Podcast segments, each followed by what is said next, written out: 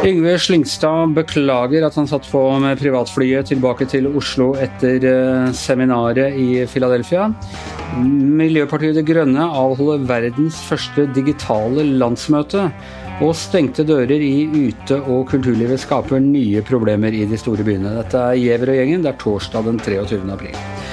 Ja, øh, jeg har med meg Astrid Mæland og Tone Sofie Aglen. Og Astrid øh, legger seg ganske flat. Øh, oljefond, avtroppende oljefondleder Yngve Slyngstad i den meldingen han har skrevet på internsidene til oljefondet? Ja, det vil jeg si. Flat som en tusenlapp.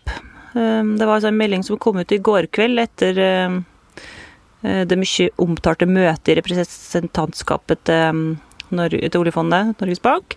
Han skriver at han er virkelig, virkelig lei seg, og at han aldri skulle ha tatt det privatflyet hjem fra Nicolai Tangens toppseminar i fjor. Um, og han eh, skriver at når det kommer til min egen opptreden, så dummet jeg meg skikkelig ut. Og at det er viktig for han å beklage, og for mine kollegaer, fordi det var dårlig dømmekraft. Så tar nå eh, liksom nuven av det der eh, noen kunne ha sagt, at ja, det var jo bare en praktisk måte å komme seg hjem til Oslo på. Det var jo et privatfly som uansett gikk, så sier han at eh, det kommer man forsøke å rettferdiggjøre det med, men eh, det har vært bedre å brukt ukevis på å reise og komme seg hjem til Oslo enn å tatt det privatflyet, skriver Slyngstad, fordi at det er så skadelig for omdømmet til oljefondet. Men er det sånn at Slyngstad da ellers ville ha kjørt på økonomiklasse, eller ville han ha kjørt businessklasse med SAS hjem? Eh, jeg vet ikke hva slags eh, fly han vanligvis til, men eh, det, det handler jo om at han har blitt med på et seminar med en potensiell kunde, en forretningsforbindelse for oljefondet. Alle hedgefondforvaltere er interessert i oljefondet, og da skal oljefondet betale reisen og oppholdet og maten og alt sammen sjøl. Um, fordi at de må jo vurdere om det lønner seg for dem, både faglig og økonomisk, å bli med på et slikt seminar, og det kan det hende det gjør. Men her har han altså blitt med uten å betale, og det er kjempestrenge regler i oljefondet for hva uh, alle de ansatte kan ta imot fra forretningsforbindelser og venner, og, uh, og på fritida er det strenge regler.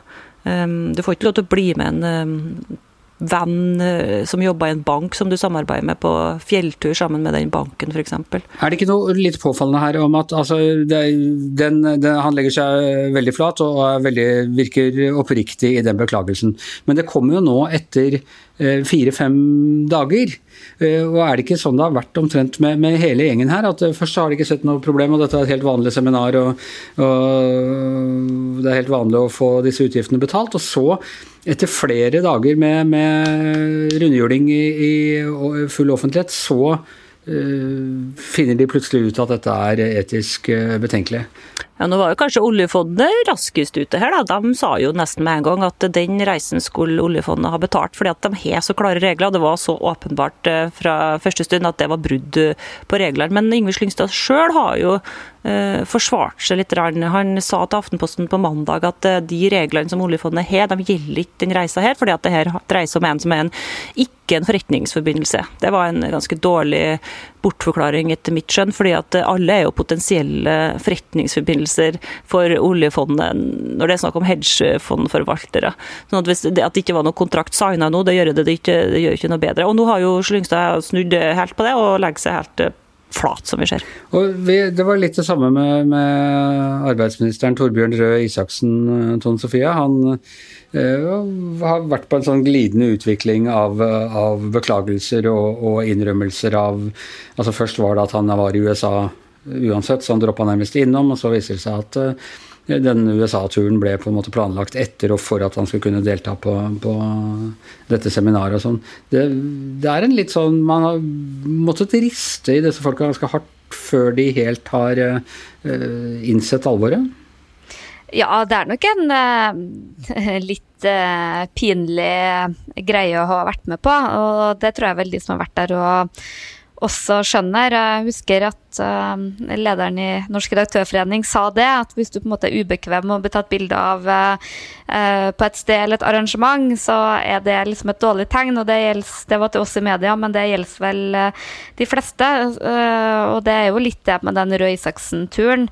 Men jeg syns jo samtidig at han gjorde kanskje det eneste riktige i sånne krisesituasjoner, når han innkalte til denne pressekonferansen og tømte skapet fullstendig for, uh, for skjeletter. Han, han, la liksom alt fram. All kommunikasjon, alt han har gjort. Uh, og det var jo det ble litt nesten kjedelig å høre, ble nesten kjedelig å høre på etter hvert? Ja, men det var litt sånn putepinlig, som jeg tror Astrid ville ha kalt det. Fordi det var helt åpenbart at han sjøl ønska å dra på den turen og har tilrettelagt uh, for det. Samtidig så la han på en måte alt fram og står jo ved at det der var en en faglig fornuftig tur. Og du kan jo på en måte også skjønne det at for, for, veldig mye i politikk og samfunnsliv handler jo ikke Jeg tror ikke han dro dit for å pga. den gode maten eller eh, nødvendigvis for å høre sting, men at, at, det er jo en, eh, en, sjelden måte å møte så mange interessante folk på. Men eh, at, at det var noe han ønska og lagt til rette for, det er åpenbart. Men han la på en måte alt for dagen, og da er du på en måte såpass flat at Eh, det kommer sannsynligvis ikke noe mer. Er det, er det, andre reaksjoner i det politiske miljøet? Er det noen her som nå benytter sjansen til å eh, hoppe på den? Det er jo det er visst snakk om omkamp eh, på, på, selve ansettelsen, men sånn, Tangen har jo strengt tatt ikke gjort noe gærent. Nei, jeg opplever liksom det, det hovedbildet det politiske miljøet er at folk nå sitter på gjerdet, er veldig avventende. For det er jo litt sånn vanskelig nå å skille litt sånn snørr og bart, som man sier. Hva er, hva er det alvorlige her? Hvem har gjort noe galt? Hva er på en måte bare at vi blir veldig opptatt av Sting og en del av det rundt? Og selvfølgelig er det jo litt sånn forutsigbart. Folk langt ut på venstresida er jo kritisk nesten per definisjon til at en person med Tangens bakgrunn har fått den jobben, og, og mener selvfølgelig at det er galt. Mens eh, nå ser jeg at noen, noen ganske få stemmer på høyresida har jo på en måte gått nå til forsvar. Du har Michael Tetzschner i Høyre-veteran som eh, som syns det at, at, at, folk eh, med hans bakgrunn så til de grader Du skal liksom kun ha spist havregrøt og levd liksom et veldig fornuftig liv for å liksom være verdig. Og jeg så også at Sivert Bjørnstad i Frp, finanspolitisk eh, talsperson, eh, har jo også gått god for eh, Tangen. At det, liksom, det er ikke han som har gjort noe galt, men han stiller spørsmål i Stortinget ved alle disse som nå plutselig skal komme og betale tilbake for det seminaret, hvor skattebetalerne da blir sittende igjen med regninga for noe som eh, ja, eh, er ganske godt over det som er vanlig representasjon. Men, men ellers opplever jeg at det store bildet at folk sitter stille og, og, er avventende og ikke heiser noe veldig flagg i den saken her. Det er klart at det er det mest etisk forsvarlige at vi skattebetalere tar, tar denne eh, regninga. Astrid, hvor lenge til tror du det vil være liv i denne saken? Det kommer jo nyheter hver dag eh, nå, da. Men eh, Nicolai Tangen, milliardæren sjøl, han har jo vært litt sånn som Torbjørn Røe Isaksen her, stilt opp på alt mulig rart og svart på alle mulige spørsmål og gjort det bra på debatten på NRK her om dagen òg. Så jeg tror han prøver å rydde opp. Jeg tror du er rett i det, Anders, at det er en del som ønsker seg en omkamp om den Eh, stillinga. Det er jo Norges viktigste stilling, oljefondet. Det, det, er dobbelt så viktig som eh, alt annet. Statsminister er ingenting i forhold til det, det er jo, det er jo litt, da, men um, Og det er mange som eh, Eller det er i hvert fall noen som er misfornøyd med at det er en sånn hedgefondforvalter som er, skal være på toppen av oljefondet. Det er jo litt eh, en gammel politisk strid om hva oljefondet, hvordan de skal investere pengene sine. Den billigste måten å gjøre det på er å følge en sånn indeks, og det gjør oljefondet med storparten av pengene sine. Så har de litt sånn aksjespekulering på toppen, um, og det mener kritikerne er både dyrt og ulønnsomt. Det er jo mye forskning som viser at uh, aper gjør det like godt som aksjespekulanter hvis man måler det over tid. Uh, og det er en del som mener at, uh, at, det bør vi slutte med. Og dem som mener det, er vel òg kritisk til at Nicolai Tangen blitt, uh, skal bli sjef i oljefondet. Altså, sånn som Tone Sofie sier, så har du i tillegg dem som er misfornøyd med at det finnes milliardærer, og skatteparadiskritikere osv. Men at altså Ja, det gikk litt under radaren, og, og vi i mediene må delvis ta det på vår kappe.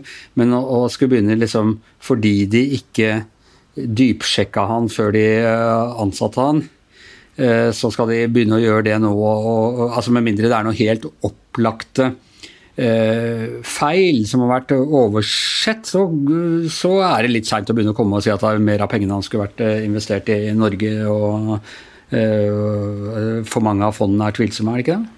Det er jo tilfellet Øystein Olsen, sentralbanksjefen sitt eh, ansvar, eller eh, ansettelseskomiteen i Norges Bank, da, han, eh, som han leda, og dette rekrutteringsfirmaet som visste var venn, toppsjefen der var venn med Nicolai Tangen, det er en annen sak. Jeg syns ikke det er så kritikkverdig.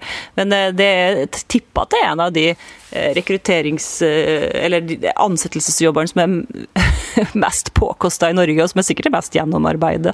Så de virka litt bakpå bak å komme det nå, da. Det er jo litt spesielle er jo hvis de her eh, selskapene ikke har vært sjekka av ansettelseskomiteen, som jeg vil tro har gjort en særdeles grundig jobb eh, og så er det jo litt sånn spennende hva som skjer med det representantskapet i Norges Bank. For det tror jeg jo ikke er en veldig sånn enkel eh, arena. For den består jo av et helt kostebinderi av tidligere politikere i alle mulige avskygninger.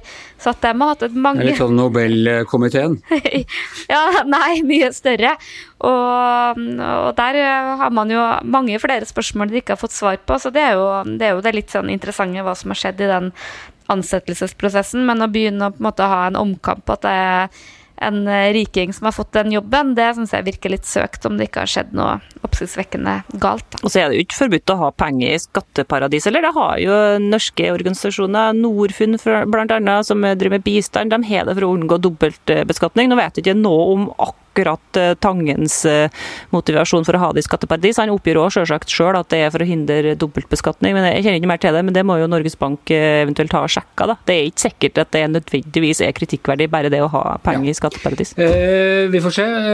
Den har, den har vært eh, dominerende denne uken. litt, føler jeg, fordi det har oppstått et litt sånn hunger etter andre nyheter enn enn koronavirus. Vi får se om den lever over i neste. Eh, det er vår, eh, og vårens vakreste eventyr, de politiske landsmøtene, skal eh, nå i gang. Det er sånn mellomvalgår, så det er ikke alle partiene har. Men Miljøpartiet De Grønne de er moderne og fremoverlente og arrangerer et digitalt landsmøte. Hvordan foregår det i praksis, Don Sofie? Ja, Det skal jo bli interessant å se. Det er jo en ganske begrensa agenda, og mye spilles jo inn på på forhånd av disse talene og sånn. Og, men det skal jo voteres. Det, jo, det, er jo en vanlig dagsorden. og Folk skal kunne tegne seg til debatt, og det er jo også valg av ny partileder. Det er jo historisk, for Une Bastholm blir jo eh, historiens første partileder i Miljøpartiet. Men det er jo litt interessant å se verdien av det her utover at man får banka gjennom noen vedtak. For uh, for uh, i hvert fall det jeg forbinder veldig med landsmøter, og jeg tror folk også forbinder med det, er liksom det å at folk kommer sammen, uh, knytter bånd. Uh, det er liksom framvisning, du får se talentene på talerstolen. Det, det, er veldig mye av det der som uoffisielle, som gjør liksom et parti til et parti, og får det liksom til å henge sammen. Og hvordan de skal klare det digitalt, er jeg litt spent på. Men jeg satt i går som en litt sånn forberedelse og, og lurkikka litt på Trøndelag eh, fylke sitt første digitale fylkesting. Og jeg må jo si eh, at jeg er ganske imponert over teknikken. Folk virker godt forberedt. Det er satt ganske godt, så man får åpenbart gjort unna ganske mye av det formelle. Men du, du mister jo liksom mye av det der eh, eh det som gjør det gøy eller verdifullt å være på et politisk møte, da, det, er, det er noe helt annet. Altså, Vi har jo morgen, digitale morgenmøter i leder- og kommentaravdelingen hver dag, og vi er en seks-sju stykker. Og jeg vil jo si at det av og til kan bli litt kaotisk. Hvordan, eh, hvordan, skal dette fungere på et landsmøte? Er det bitte, bitte, bitte små firkanter med alle som eh, er med, og så blir eh, den som snakker til enhver tid stor, eller hvordan Hvem sitter og liksom Ja, de, de som snakker, blir nå har jeg jo ikke sett landsmøtet, men jeg har sett inn på litt politiske møter, for man gjør jo det rundt omkring nå i kommunestyrer og, og veldig mye politiske møter som foregår sånn. Uh, og de, liksom, de, tegner jo opp talelister, og de har sånn at de, en, en sånn chat hvor de sier hva de stemmer, og veldig mye ulike måter. Og jeg er litt så imponert over uh, over uh, teknologien uh, i det. Men, men, det jeg hører fra politikken, da, og det merker jeg jo sjøl, at uh, vi har jo våre to daglige møter, og jeg syns jo egentlig at det er ganske nok. For du, du sånn, Man sitter mye foran en skjerm, og du får, du, du får jo på en måte inputen, men du får ikke det, det hyggelige med å være i samme rom som kolleger og sånn. og jeg hører bare politikere akker seg voldsomt nå over alle de Teams- og Skype-møtene de går på hele dagen lang, og syns at det er veldig slitsomt. Da. Så jeg, jeg, tror nok ikke på andre enden her at det blir sånn at vi skal slutte å møtes, vi skal kun være på, på digitale møter. Men er det er alle hjemme hos seg selv eller eh, splitta opp, eller er det et lite sekretariat eller en sånn møteledelse som sitter samlet eh, et eller annet sted? For Miljøpartiet så skal de være på Stortinget, der skal partiledelsen være. Det skal være åpent for pressa, og de skal ha et sekretariat. Men i hvert, fall det jeg så i går av fylkestinget i Trøndelag, da, som er en stor arena, da satt folk eh, Altså, fylkesordføreren satt hjemme på gutterommet, så han la ut på Facebook, Tore Sandvik, og liksom, det, Folk sitter hjemme, så det var litt sånn uh, morsomt å, å, se. Og det er jo litt sånn moro at folk legger ut bilder av seg sjøl med eh, slips og dressjakke, men så har de shorts under og sandaler, så det, så det er jo en ja, det, det, er jo en uh, greie nå, men jeg tror liksom det store bildet at folk er ganske lei av å bare snakke sammen uh, digitalt. Men, uh, for det har slått meg at altså, selv de aller mest digitale hodene bak blant oss, nemlig gamerne, selv de liker jo å møte sånn til The Gathering og Vikingskipet og sitte helt koronatett oppi hverandre og, og, og, puste på hverandre. Så det er, det er et sånt menneskelig behov at selv om du møtes online, for å også være fysisk sammen. Ja, og det tror jeg mange av oss har oppdaga at de første ukene så var det veldig artig med de her digitale fredagspilsen og, og sånn, men jeg, jeg, jeg, tror mange etter hvert kjenner at man blir sliten av det der nettet og, og det digitale og savner det der det, det, det er vanskelig å sette ord på hva det er, men det er et eller annet annet når mennesker møtes eh, fysisk. Jeg tror det er den metalliske lyden i hodet av all snakkingen som kanskje går i hvert fall meg mest på nervene. Men så er det jo interessant, jeg har fått sett mye mer hvordan dere har det hjemme alle sammen. Det er jo en, en, en ny bonus. Uh, ja, uh, fordi vi er så mye hjemme på jobb, så går vi også mer ut på, på tur. Uh, det har vært et helt fantastisk vær i Oslo den siste uka. Sånn fin juni. Folk i absolutt alle parker. Folk fyller opp Nordmarka og, og alle friluftsområder. Og det fører nye problemer med seg. Eh, Tone Sofie, du er jo nå eh, med ditt snaue år i hovedstaden utforsket omtrent hvert eneste lille grønne lunge eh, som vi har å by på, er det ikke det? Jo, eh, det her var jo liksom den våren hvor jeg skulle prøve å begynne å like Oslo. Jeg syns ikke det her var eh, den beste åpninga for det, men jeg ble i hvert fall blitt veldig godt kjent, for jeg går mye rundt. Og, og det er jo fascinerende å se nå som uh, været er så bra. Så ser du jo på alle disse grøntområdene, så er jo hver eneste flekk erobra for folk som sitter ute og griller, og veldig mange nå drikker øl. For i Oslo har man jo i tillegg det her eh, det særlige mm, skjenkeforbudet som gjør at uh, skjenking forsvinner jo ikke, det bare inntar uh, nye former. Ja, det, skjer, det, blir billigere, og det skjer i parkene selv om det, selv om, det ja. ikke er lov. Og det, jo, det, er jo en sånn årviss debatt. Hvert eneste landsmøte, f.eks. i Høyre, så kommer jo Unge Høyre og foreslår at nå må det bli lovlig med å drikke pils i park. Uh, og nå har jo det skutt fart igjen. Det er jo helt åpenbart at, uh, at det er ikke et prioritert område for norsk politi, for da kunne de dratt inn veldig mye bøter uh, i disse dager. Men uh, selv om jeg personlig er ganske liberal på det her, så ser jeg jo at det har jo noen uh, nedsider òg. Det jeg innrømmer at jeg lurer litt på da, når jeg ser alle de folka som sitter tett i tett og drikker øl. Er, hvor er det de går på do? Ja. Det kan jeg fortelle deg. Rundt Sognsvann i hvert fall, så er det enkelte steder man ikke bør gå, for der, der går man på do.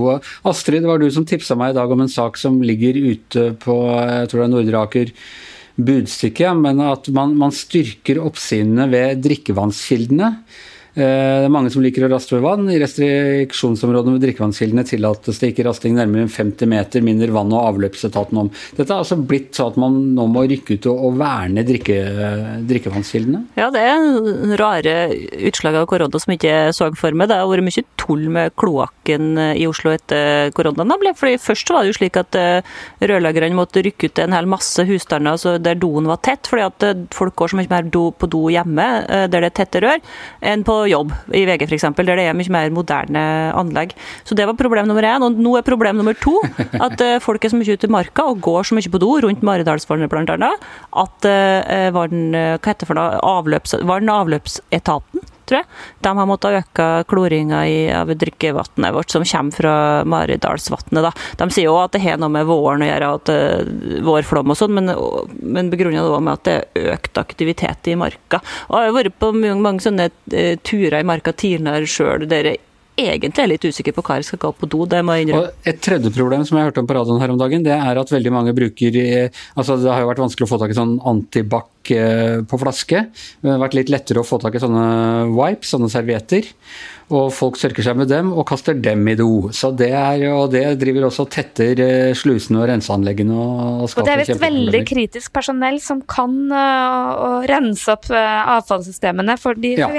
Ja, og de, det kreves eget verneutstyr og, og full, full, pakke. Så det er, det er, noe med at når, liksom, når noe begynner å rakne, så liksom går det helt ned i kloakksystemet, hele infrastrukturproblematikken vår. Ja, så har vi jo funnet korona i kloakk nå, det var vel i Nederland, så vidt jeg husker. Og det har vært kjent fra andre sånne pandemier, at man finner igjen eh, viruset i kloakken. Så det er sikkert derfor han fyren som må ta ut de våtserviettene, må gå med fullt verneutstyr. Så hvis han blir syk, da har vi virkelig et problem. Ikke kast sånne greier i do, folkens. Ingen våtservietter, kun Nei. dopapir. Og ta med deg, hvis du skal drive og raste ute i marka og sånne ting, ta med deg en hundepose hvis du har tenkt å legge igjen et visittkort, skal vi si det sånn?